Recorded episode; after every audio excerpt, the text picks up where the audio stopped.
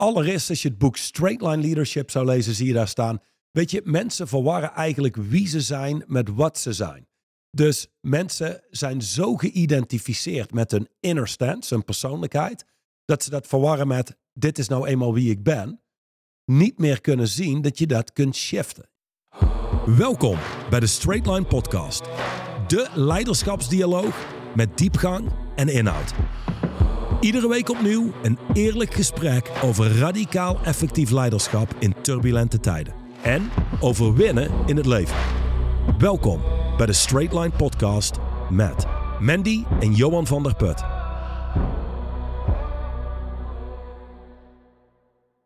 Zo, in deze mooie week voor kerstmis 2023 is het tijd voor een, een, een fantastisch nieuw Inner Stance Bulletin. In het boek zou je kunnen zeggen is het hoofdstuk 14. En we gaan die vandaag uiteenzetten. Terwijl we hier naast een gezellige kerstboom zitten. Voor niet onze luisteraars, maar onze kijkers, geniet daarvan. Het is zo warm en gezellig rond deze tijd van het jaar, toch? En dan krijg je net dit bulletin Nou, met van die harde waarheden. Ja, precies. Dat was wat eigenlijk de volgende stap die ik wilde maken. Inderdaad, het bulletin lijkt misschien niet heel erg te voldoen aan de kerstgedachte. Ehm, maar er is niks liefdevoller dan eerlijk zijn tegen anderen en vooral eerlijk zijn met jezelf, toch? Het, doet me wel denken aan de eerste kerstkaart die ik ooit ontving van Dusjan. Dan denk je aan kerst, je denkt aan een open haard, warmte, Of sneeuw, kerstlampjes. liefde. En toen Ja, kreeg ik de eerste groen. kerstkaart en daar stond op: America, we will kill you in your sleep on Christmas. Dat ik dacht: wow, dit is wellicht de beste kerstkaart die ik ooit heb ontvangen. Uniek en anders met een, met een scherpe rand. Maar waar doelt het op? We waren net begonnen. Johan, in de kern, niks is heilig. Ehm tuurlijk doe je geen dingen die je in de problemen brengen of misdadige dingen, laat dat duidelijk zijn. Maar het helpt mensen om van een hele redelijke positie te shiften naar een onredelijke positie. Omdat al die redenen die je hebt in je leven alles op zijn plaats houden en de status quo dienen Mhm. is het zul je onredelijk moeten zijn en, en handelen buiten je vorige redenen en excuses om, om te kunnen doen wat je nooit gedaan hebt. Dus daar doelde die kerstkaart op. Nou, in, in dezelfde spirit gaan we dit document doorlopen. Alright. Dat was denk ik ook de enige kerstkaart die je ooit hebt gehad, of? Dat is waar. Ja, ik zeggen, ik kan me niet herinneren dat er ooit nog een andere is gekomen. Oké, goed. Het bulletin dat vandaag centraal staat ehm, begint met de titel Just Enough. Ja, Nou, daar staan er weer een heel aantal zinnen onder, waar ik er dadelijk een paar van uit ga halen en jij diepgang aan kan geven. Maar voordat we dat gaan doen, heb je vast iets te zeggen over de titel Just Enough. Ja. Net genoeg. net genoeg is een reptiele brein gedreven gedachte. Dus zoals iedereen hier weet, mensen hebben een mind, mensen hebben een reptiele brein. Dat is het oudste deel van ons hersenen. En het stuurt je hartslag aan, het stuurt je ademhaling aan. Dus als je niet bewust ademhaalt, dan stopt je ademhaling niet. Dan neemt je reptiele brein dat over. En dat hele deel is ontwikkeld om mensen te laten overleven. Dat betekent ook als mensen nooit loskomen van een reptiele brein, dan blijven ze overleven, wat iets anders is als leven. Ja. En leven op basis van vrijheid. Maar En- belangrijk, zonder dat ding is er geen sprake van overleven. Ook geen sprake van dan, leven. Dan, dan Ja, waren dus we waarschijnlijk al lang overleven doordat we overleven. domme dingen hebben gedaan. En die kun je terugvinden bij de mensen die een Darwin Award hebben ontvangen. Dat zijn de mensen die op de meest idiote en domme manier om het leven zijn gekomen. Oh. Toevallig weet ik er van eentje, was een man die wilde zijn schoorsteen vegen. En die ehm, moest iets zwaars hebben, wat hij dus door die schoorsteen kon laten zakken.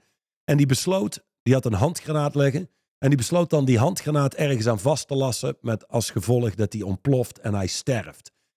Nou kan ik me niet En dan voorstellen. krijg je dus een Darwin Award. Ja, En, en dan, dan gaan ze naar de familie of zo en dan overhandigen ze een oorkonde. of- geen idee hoe dat werkt, maar het gaat meer om het idee. Oké, ja. Dat, luister, Het als jij, als voor- jij een handgranaat pakt. Ja, tuurlijk. Maar als jij een handgranaat pakt en je staat met een lasapparaat, dan moet er toch ergens een gedachte afgaan, een soort lamp aangaan die zegt, wow, wow, wow, dit is geen goed idee. En die stem is een gevolg van een reptiele brein met de hele dag door gevaar inschat. Ja. Dan komt het volgende. Dat ding aangezien we niet meer echt leven onder dinosaurussen en moeten vrezen voor een tijger die uit het bos springt. Dat heeft alle tijd om door te slaan en het beschermt ook wie we op een diep level denken te zijn. Ja, dus enerzijds zorgt het voor het overleven van ons lichaam. Het zorgt ervoor dat we kunnen blijven ademen en dergelijke. Als je het weghaalt, sterven we niet vanwege domme dingen, maar sterven van, vanwege het feit dat onze lichaamsfuncties niet eens werken. Ja, Dat is allereerst. Eh, nou, vervolgens eh, beschermt het wie je denkt te zijn. ja, je persoonlijkheid. Je, persoonlijkheid. Ja. En allereerst, als je het boek Straight Line Leadership zou lezen, zie je daar staan. Weet je, mensen verwarren eigenlijk wie ze zijn met wat ze zijn. Hmm. Dus mensen zijn zo geïdentificeerd met hun inner stance, hun persoonlijkheid, dat ze dat verwarren met dit is nou eenmaal wie ik ben. Niet meer kunnen zien dat je dat kunt shiften. Dat, dat, die, dat het ook gewoon maar gecreëerd is. Exact. Een persoonlijkheid is gecreëerd door de persoon zelf, onbewust. Dat betekent, je kunt jezelf daadwerkelijk opnieuw uitvinden. Wat in de weg staat om dat te doen, wat vaak niet toestaat om dat te doen, is een reptiele brein, wat dingen hetzelfde wil houden. Nou, de eerste functie is het overleven. Dus het wil altijd voldoende zuurstof, het wil voldoende eten het, eh, en, en voldoende liefde. Eh, dat is nodig om te kunnen overleven. Zeker als, als kind zijnde dat liefde of als baby uit onderzoeken komt. Een baby die geen liefde krijgt, sterft letterlijk. Nou, Jij weet ook hoe ze dat onderzocht hebben. nee, ik ben geen wetenschapper. Ehm, eh, soms lees ik dat soort zaken en dan... Ik doe het met, met de uitkomst. Ja, exact. Ja, de rest nee, zeker hier achterwege. zou ik niet hoeven te weten hoe ze erachter zijn gekomen. Maar laat ik zo zeggen. Een reptiele brein is altijd uit en altijd aan het kijken vanuit er is niet genoeg. Dus het zorgt altijd voor voldoende eten. Stel je rijdt in de auto en je hebt honger. Dan zal het de afslag willen pakken om iets te eten te gaan nemen. Even praktisch gezien. Mhm. Nou slaat dat door en dat betekent ook, er is een gedachte bij mensen. En het- dit is allemaal onbewust, by the way. Die conversaties waar ik het over heb, gestuurd door een reptiele brein, die runnen je leven zo subtiel dat je het niet eens doorhebt. Je zult jezelf moeten trainen om wakker te zijn, op te merken wat daar gebeurt. Wil je het daadwerkelijk kunnen aan de kant zetten, als het ware? Ik Ja. wou zeggen, to intervene. Om Exact. een interventie te doen en te besluiten, hey, niet dat en iets anders. Exact. Wil je, wil je daadwerkelijk ervoor kunnen zorgen dat het niet je leven runt? Want dat is het in de basis. Ja. Hè? Zolang je er onbewust van bent, je, je gewoon niet in de gaten hebt dat die stem in je, in je hoofd de hele dag door opdrachten aan het geven is en jij dat gewoon uitvoert, zolang je dat niet in de gaten hebt, runt het je leven. En runt de zelfs show. eh, ook met een podcast als, als dit, nu voor iedereen die wekelijks luistert, die zal met een groot deel van de dingen die we zeggen ehm, eens zijn. Zo van, oké, ja, daar, daar sta ik achter. Dan heb je mensen die luisteren en die zijn het totaal niet eens. En wat we zeggen staat haaks op wat zij geloven of denken. Maar het interessante is, een reptiele brein zal altijd verstevigen waar we überhaupt al in geloven.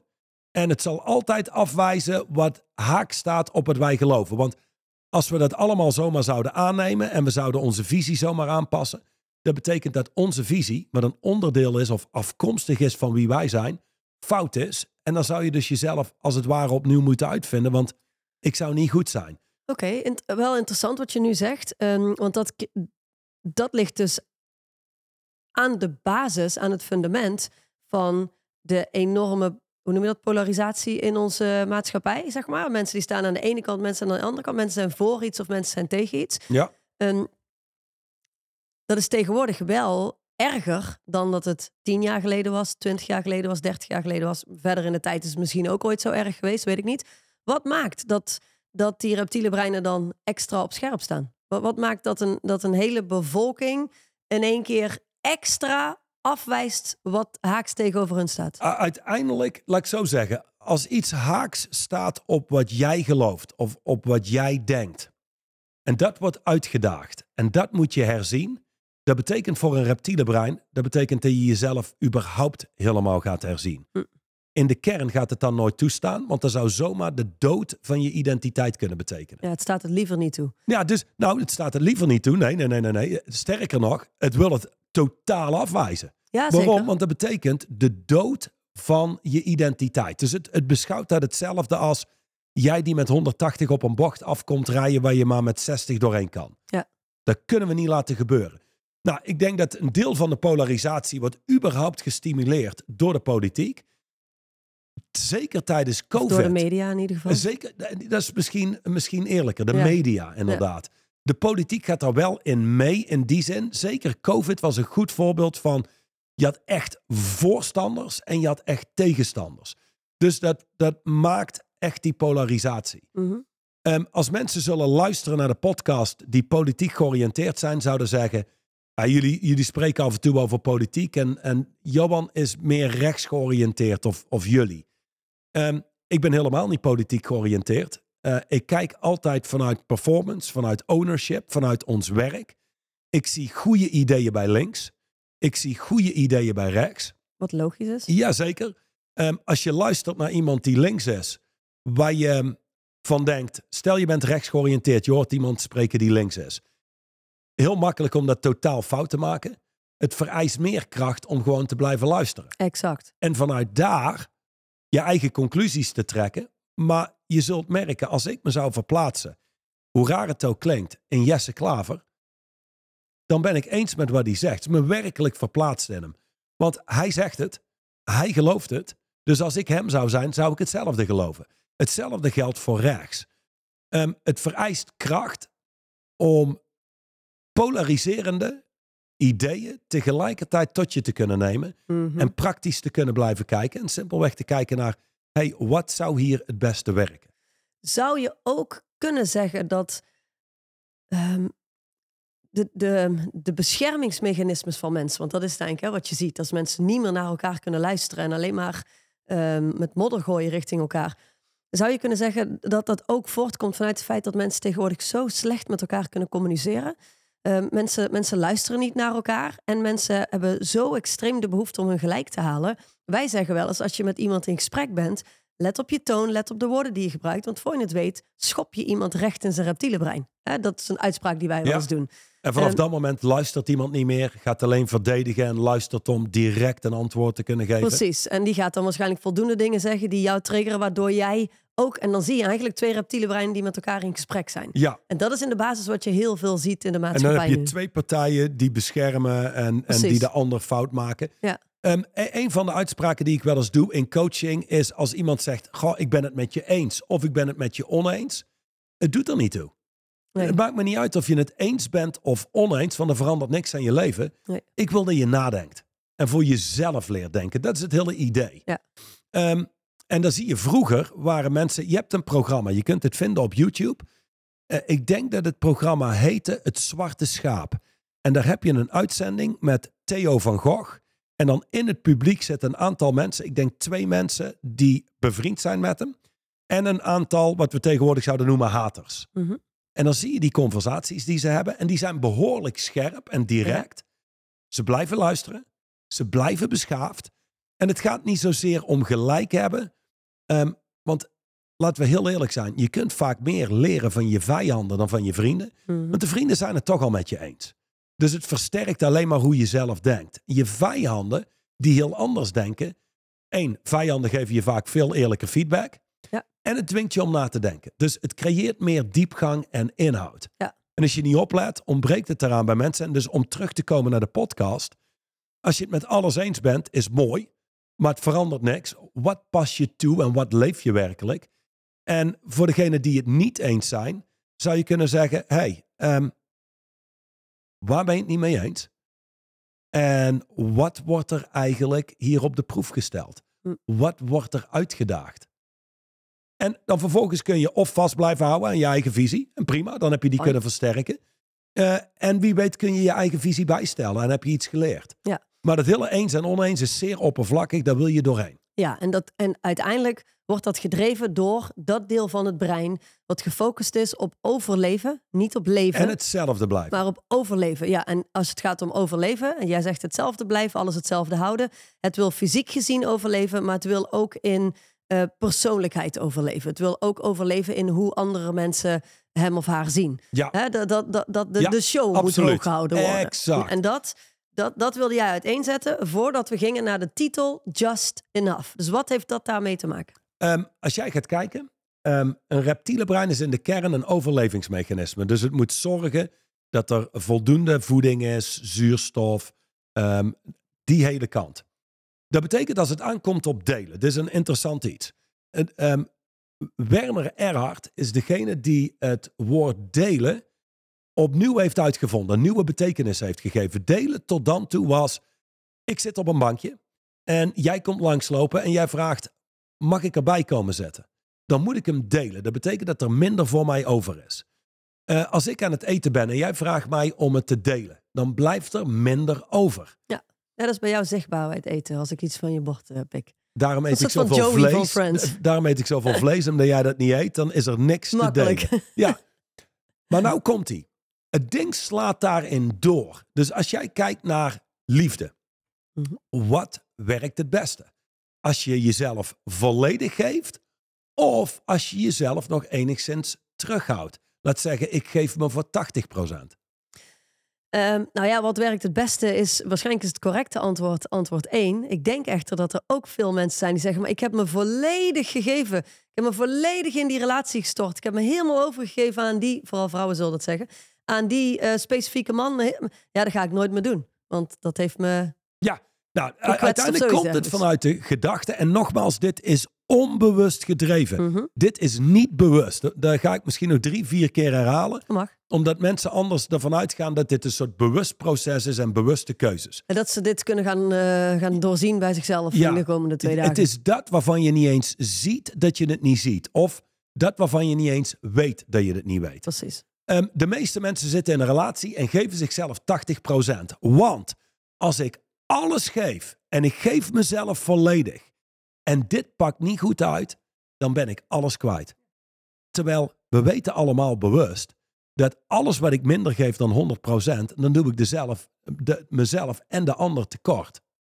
Maar dit geldt ook voor zakelijk succes. Hoe ziet dat eruit als je jezelf niet voor 100% geeft, maar voor 80%? Dat betekent dat je altijd een deel achterhoudt. Mhm. Dat betekent dat je altijd minder geeft. Dat betekent dat de ander minder ontvangt van jou dan je zou kunnen geven. Laten we heel eerlijk zijn. Hoe ziet het eruit in sport als je 80% geeft? Het geeft net, net geen voldoening. We gaan net niet zo hard als dat we zouden kunnen. Mhm. Vandaar ook de titel Just enough. net genoeg. En dat betekent in een relatie, als we niet opletten, geven we net genoeg om te zorgen dat de ander bij ons blijft. En ah niet ja, maar vertrekt. zo heb je ook ehm, ehm, werkrelaties waarin een medewerker net genoeg geeft om te zorgen eh, dat hij niet ontslagen wordt. Of En een die werkgever. doet net voldoende om te zorgen dat hij Ja. niet ontslagen Ja, wordt. En Of een werkgever die net voldoende doet voor zijn, voor zijn medewerkers, zodat ze niet vertrekken. net voldoende betaalt, zodat ze niet vertrekken. Just enough. Ja, het is een puur reptiele brein gedreven gedachte. Het denkt in tekorten. Nu, als het aankomt op delen. Werner Erhard, die zei, weet je, laten we heel eerlijk zijn. Ehm, als jij liefde volledig deelt, heb je meer. Mhm. Als jij in dit geval deze podcast transformatie deelt. En het gaat over succes, beloftes en de inhoud hiervan. En je deelt dat met anderen, krijg je er ook meer van. Want zij zullen er ook meer naar gaan leven. Ja. Maar voor een reptiele brein is delen, er is niet genoeg. Dus hoe uitzicht dit in samenwerkingen? hey, Mandy, wij werken samen. Jij moet winnen, maar niet zoveel als ik. Hm. Want dat betekent, als jij meer wint dan ik, is er voor mij niet genoeg. Da- dat is hoe een reptiele brein denkt en handelt. Ja, dus wat jij zegt is in de basis heeft ieder mens dat in zich. Dus, dus je kunt Ieder nog, mens, ja, exact, dus je kunt nog zo degene zijn die altijd klaar staat voor andere mensen en die altijd alles doet voor andere mensen. Ehm, maar in de basis worden we allemaal gedreven door ja, er is eigenlijk niet genoeg. Dus hè, die mensen die vaak alles doen voor andere mensen, wat daar dan vaak Is weer achter ook zit. vaak gedreven door een reptiele brein. Precies. Om, ja. om er goed uit te willen zien, om geaccepteerd te worden, om liefde te krijgen. Dus heel veel geven kan inauthentiek zijn. Ja. Als het gedreven wordt door er goed uit willen zien, ergens bij willen horen en bij willen passen, dan is het een vorm van manipulatie. Authentiek geven, authentiek delen, simpelweg omdat het werkt, groots en gul zijn, zie je heel weinig. Maar je ziet het wel terug bij de meest succesvolle ondernemers. En dit gaat in tegen het beeld wat mensen hebben van heel succesvolle Exact. ondernemers. Ja. Voor degene die, die zo denken, luister, de meest succesvolle mensen die je ken zijn groots en gul. Die komen vanuit, er is genoeg. Dus die delen meer, geven meer van zichzelf. Simpelweg omdat het werkt. Omdat ze komen vanuit kracht. En hoe we van nature geneigd zijn te denken. Onder andere door wat we hebben gelezen en wat we terug horen. En überhaupt de perceptie over vermogende mensen. Is nee, dit zijn de mensen die denken alleen van- aan zichzelf. Kom alleen maar en nemen, voor hun nemen, is er nemen. nooit genoeg. En Ja, de paradox, precies. en die zijn er ook, maar de paradox is, de meeste zijn 180 graden anders. Helder. Dus nooit genoeg en just enough. En oké, eh, jij spreekt nu over delen. Dus dan gaat het over, er is niet genoeg. Dus ik hou, ik hou een deeltje achter voor mezelf. Ehm, hoe vertaalt zich dat naar, ehm, als je niet hoeft te delen met andere mensen, maar hoe vertaalt zich dat naar jezelf? Hè? Want deze, als ik kijk naar de bulletin, just enough will allow you to keep lying to yourself. Mhm. Dus hoe, hoe vertaalt zich dat? Eh, laten we heel eerlijk zijn. Iedereen die hier nu naar luistert en die kijkt naar zijn leven en ik zou je vragen, is dit alles wat je in je hebt? Of is er meer mogelijk? Als je eerlijk kijkt. Ieder mens zegt meer mogelijk. Ja, maar dan als je niet oplet, doe je het als, eh, je kunt altijd meer. Mm. Ja, we- hoe is het? Goed, goed, maar kan altijd beter. Er zit geen fundering achter. Het is gewoon iets wat goed klinkt wat we Ja. zeggen. Maar als je jezelf echt confronteert en je kijkt naar je relatie, kun je daar meer geven? Kun je daar meer zijn? Grote kans dat het antwoord ja is. Dan kijk je binnen je business. Hebben we daar werkelijk alles gegeven? Ben ik daar, ben ik daar niet terughoudend geweest? Dan waarschijnlijk zul je momenten zien, domeinen zien waar je van zegt, daar ben ik wel terughoudend geweest. Of ik heb daar een deel achter gehouden. Ehm, dat is nou typisch iets wat een reptiele brein doet. En een reptiele brein wil überhaupt geen discomfort. Nee, het Maar kan als je- zich eh, uiten in de vorm, om een voorbeeld te geven. Just enough will allow you to keep lying to yourself. Oké, ehm, wij zijn natuurlijk, eh, beide mensen komen uit de sportwereld. We leven al ons hele leven gezond. eh, maar niet zo gezond als dat we zouden kunnen leven. Ehm, want er, is altijd de volgende stap. En, het tot- liegen tegen jezelf zou bijvoorbeeld zijn, ja, maar ik heb er de tijd niet voor. Nee, nee, maar in, in mijn geval is het heel lang geweest. Ehm, ja, weet je, ik zou, ik zou dit eigenlijk nog wat bij moeten schaven. zodat- Het zou allemaal nog net wat beter kunnen. Het zou allemaal nog net met, met het oog op, hey, ik word ouder. En hè, wat kunnen we nog, nog eh, verbeteren, om maar zo te zeggen. Maar dan heb ik zo'n stem die zegt, ja, maar ja, Mandy, kijk, kijk naar hoe jij leeft ten opzichte van de gemiddelde mens. Dan ben je echt extreem gezond. Ja, Maar dat is ook lying to yourself. exact. Dat is ook dat is nou net de enough. stem die altijd rechtvaardigt precies. waarom je de keuzes maakt die je maakt. En nu zullen er mensen zijn die denken, ja, maar het hoeft toch ook niet altijd meer? Dus daar zou, de, daar zou het antwoord of de vraag zou zijn, wie stelt dat? Hm. Degene die komt vanuit net genoeg of degene die zijn leven voluit leeft zonder spijt? Ja. It's the source where the question is coming from. En de bron is dat soort vragen. Ik, ik, zat, ik zat ooit in een, eh, in, een, eh, ehm, in een lezing die ik gaf. En toen maakte ik de distinctie tussen werkelijk op het speelveld staan versus langs de kant van het veld staan en gewoon observeren en kijken. Dus eigenlijk de distinctie, heel binair, of je staat aan in het leven of je staat uit. En als één iemand zei, ja maar je kunt er niet altijd aan staan. Zei ik, wie, wie vraagt dat? Degene die aansta- aanstaat of degene die uitstaat? Want dat zijn twee verschillende werelden. Zegt hij. "Eh, ja, degene die uitstaat. En dat is je antwoord.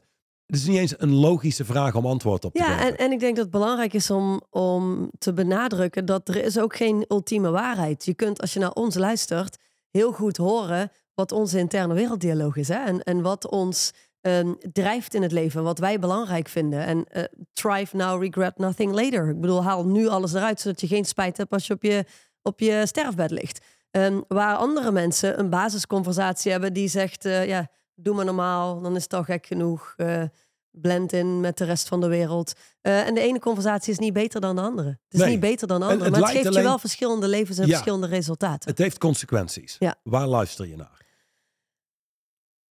Just enough will keep you feeling better about weak results. Het is uiteindelijk wat je net zei. Als jij je vergelijkt qua voeding met anderen.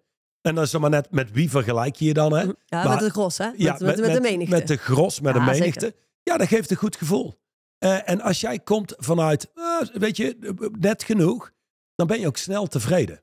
Terwijl al zou je komen vanuit, laten, laten we er alles uithalen wat logisch gezien hier mogelijk is. Ja, dan zou je kijken en dan zou je een stuk minder tevreden zijn. Of misschien zelfs ontevreden. Dus het is dat deel in onszelf, om het zo te noemen, wat ook snel tevreden is. En, Ja. en het, het, het zorgt ervoor dat je je beter voelt over zwakke resultaten, wetende dat er veel meer mogelijk is.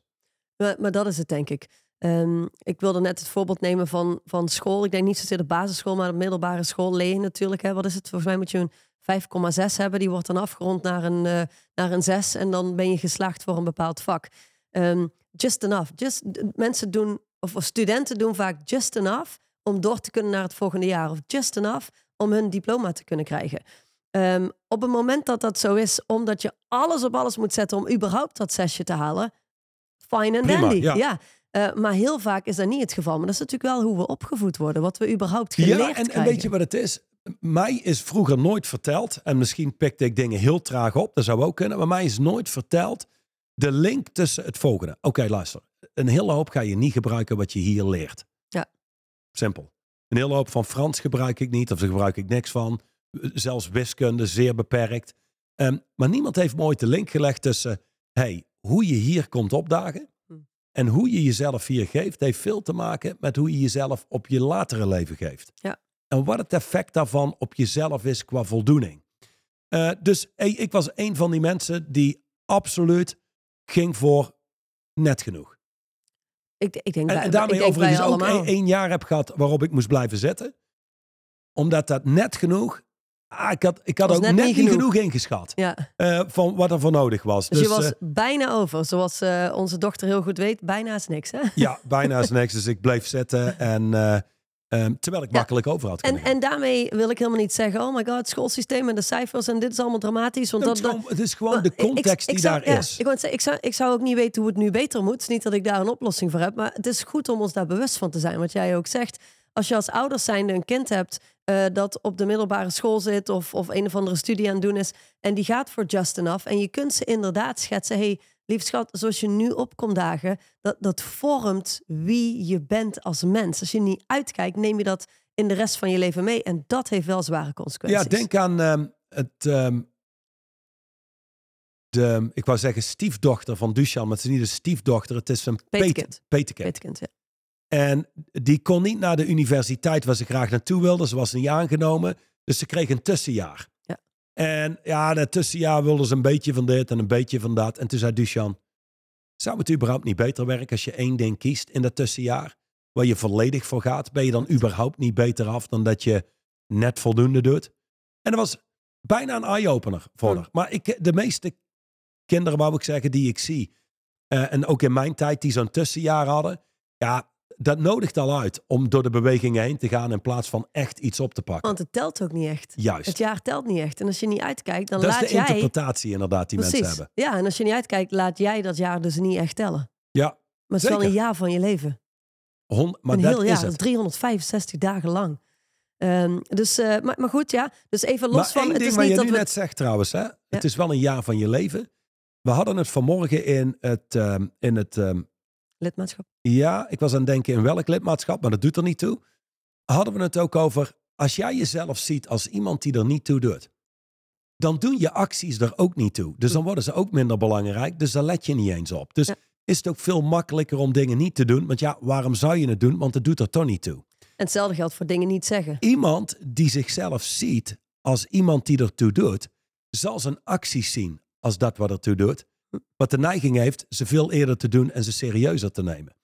Eh, dus dat is ook een onderdeel van, je, moet het zo zien, iemand die wat door de bewegingen heen gaat, daar gaat vaak aan ten grondslag. We zien onszelf niet als een of andere game changer, difference maker. Nee. En nu komt hij. Want mensen eh, zijn natuurlijk ondertussen overtuigd door alle self-help gurus dat je dan eerst moet gaan geloven in jezelf. En jezelf eerst moet zien als een changemaker. Of moet zien wat er gebeurd is in het verleden, waardoor dit zo is ontstaan. Dat kan ook nog inderdaad. Dat je gaat ontdekken waardoor je bent geworden wie je vandaag de dag bent. Los van het feit dat je gewoon beslissingen hebt gemaakt die hebben geresulteerd tot wie je vandaag de dag bent. Maar ehm, da- dat is natuurlijk wat, wat mensen stellen. Hè? Van ja, maar dan moet ik dus eerst gaan ehm, geloven in mezelf. Werken of, eh, aan mezelf. Zoiets dergelijks. Ja. Ja. Terwijl in de basis, als jij. Wat, wat, maakt, wat maakt of iemands leven ertoe doet, ja of nee?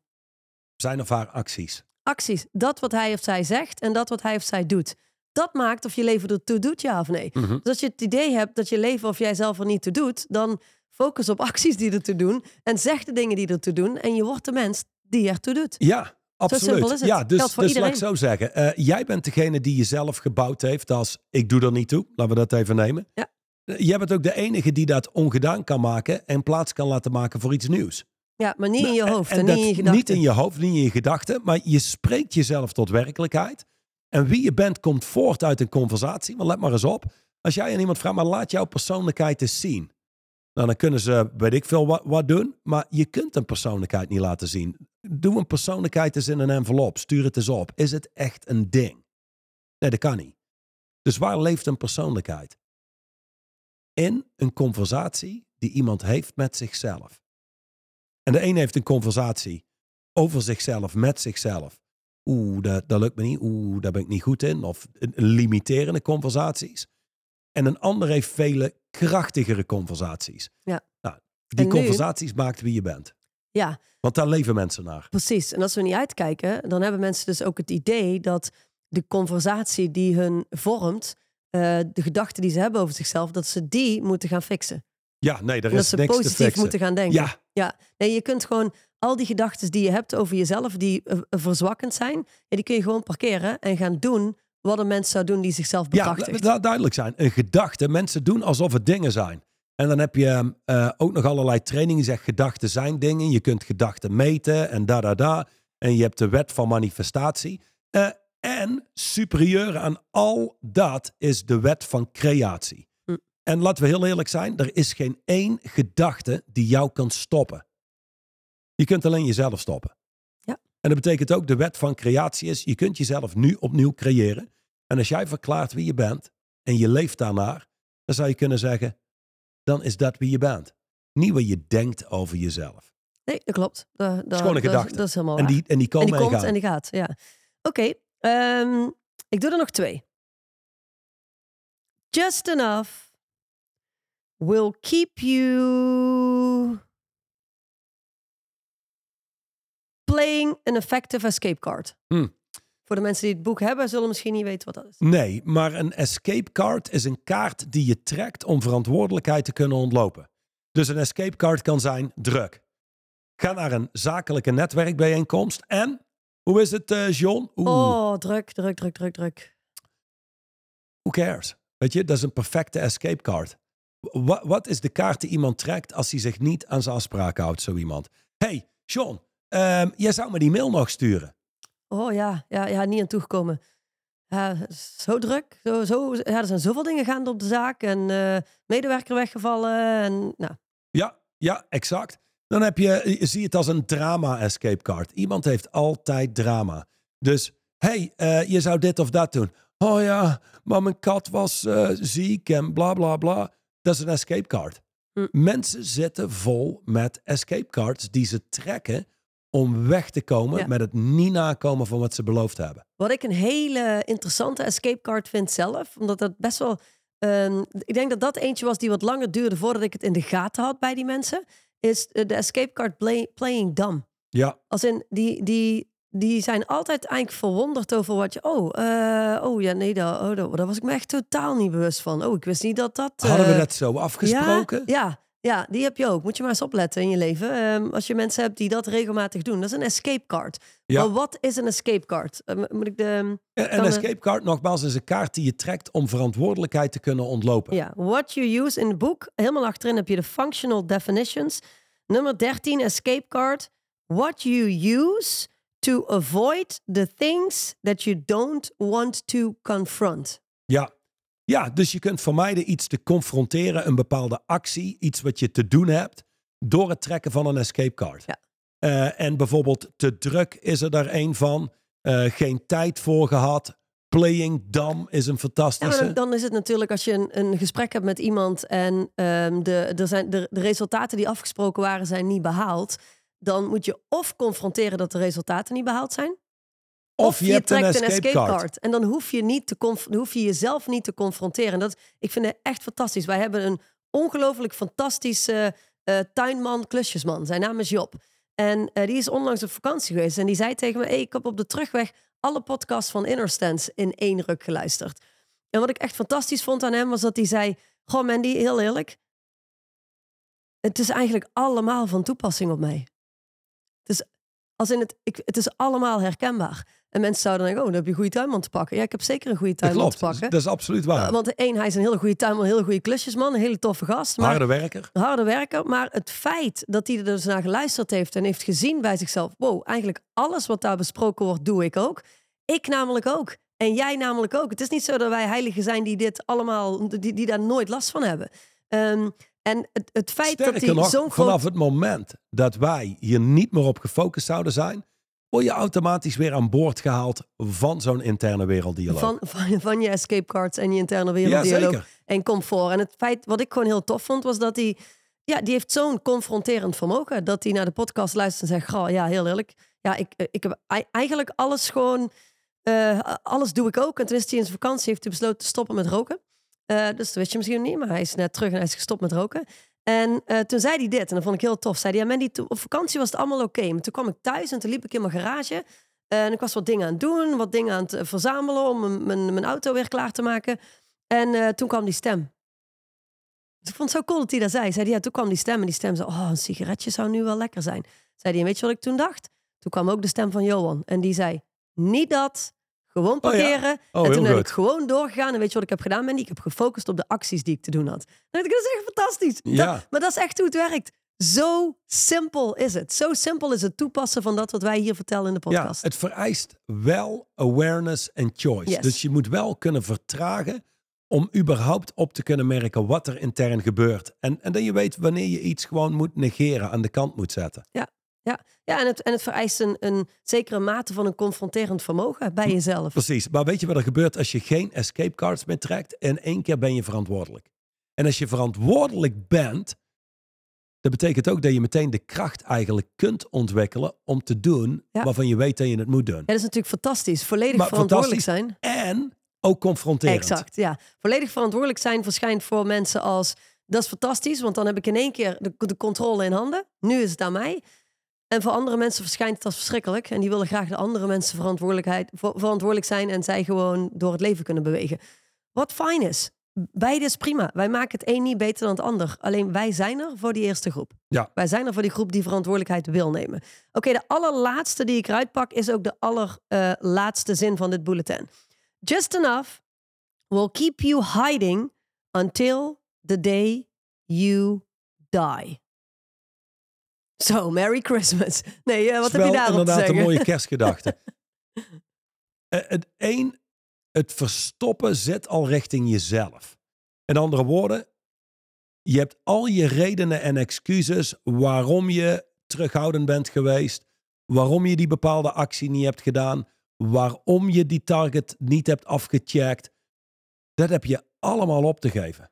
En dus mensen verstoppen zichzelf voor zichzelf. Mm, En dat doe je door onbewust te leven en niet eerlijk en kritisch te kijken naar jezelf, naar je gedrag en naar je acties. Dat is één. Ehm, het tweede is, wat je zult merken als je spreekt met mensen, people wanna look good. Mensen willen er goed uitzien. Ehm, we hebben één lid, Dave van der Laar, fantastische kerel. Dat, is, dat is de eerste die niet heel naïef is als het aankomt op mensen en hoeveel mensen liegen. Hm. Dus ik weet nog, Salem Al-Abdul Jader, toen ik net begon met dit werk, een straight line coach in eh, het Midden-Oosten, die had een keer een, ehm, een, een lidmaatschap, of nou niet eens een lidmaatschap, een programmaatje voor, laat zeggen, ZZP'ers. En die werkt normaal echt alleen maar met grotere bedrijven, grotere ondernemers. En, en die zegt, wow, well, I noticed something. Like those big people, well, you know, they can lie to themselves. But most of the time, pretty honest. But they have some glitches.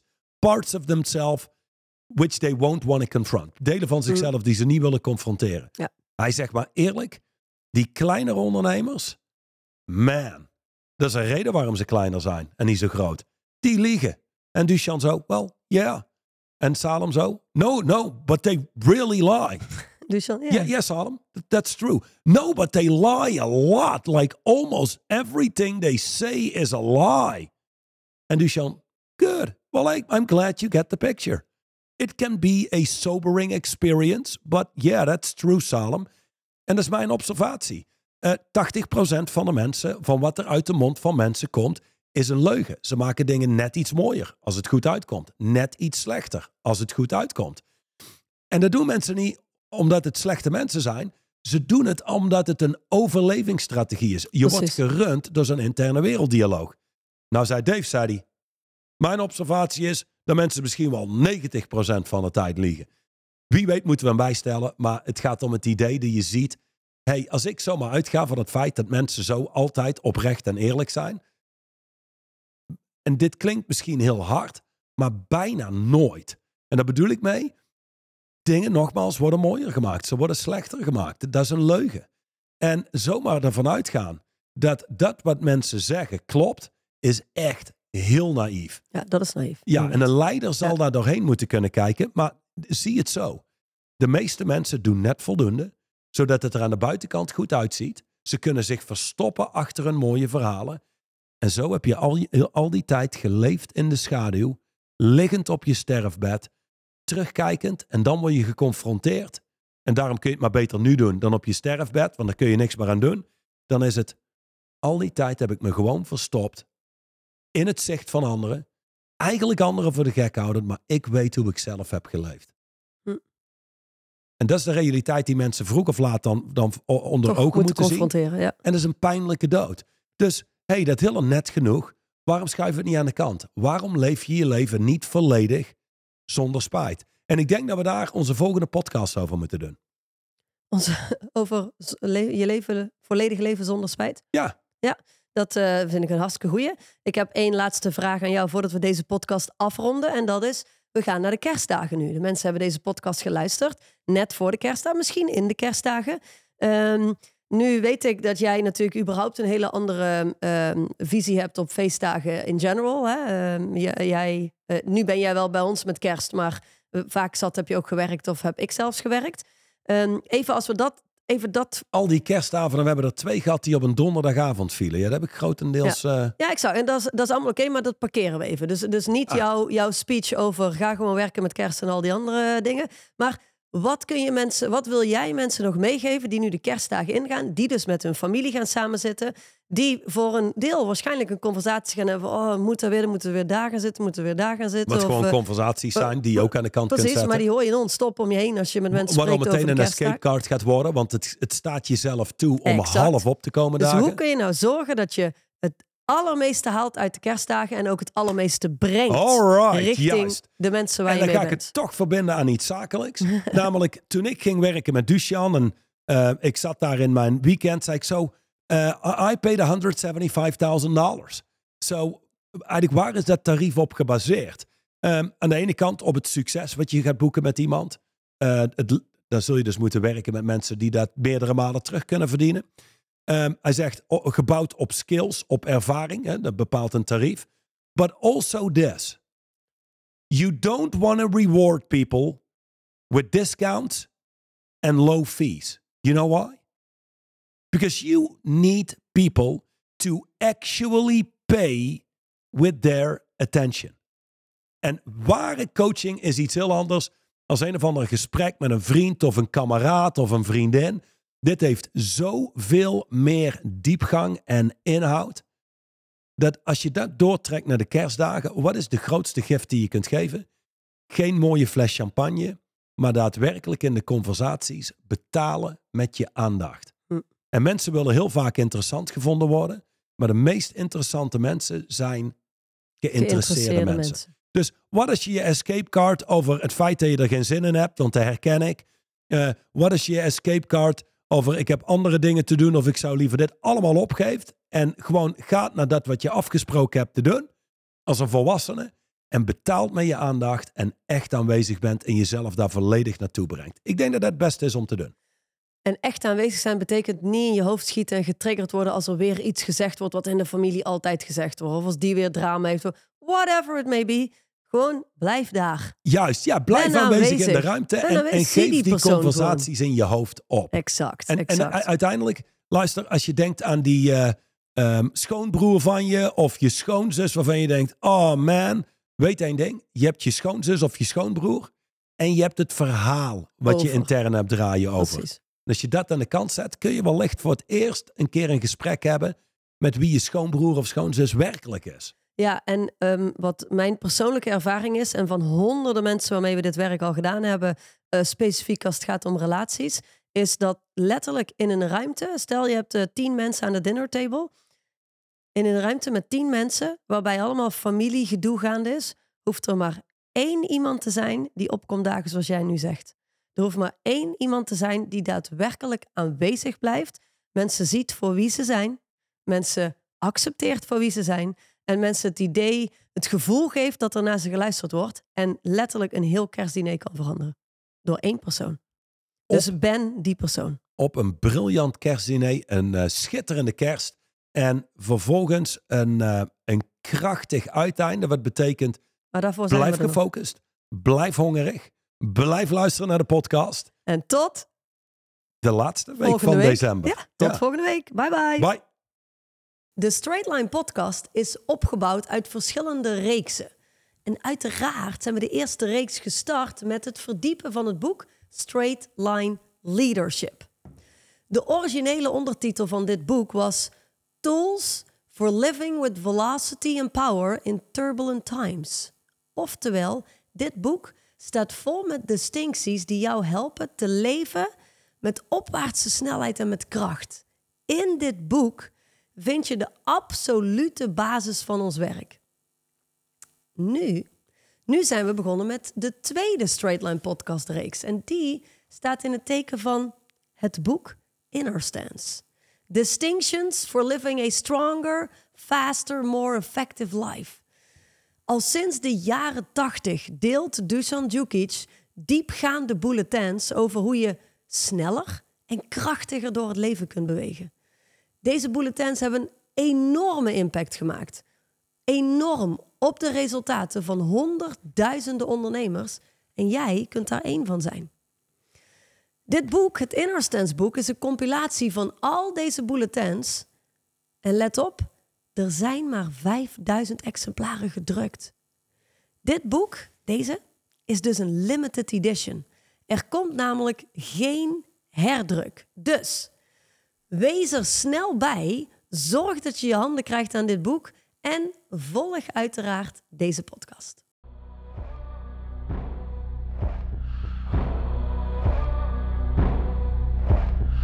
De overige podcast beluisteren of deze nog eens terugluisteren.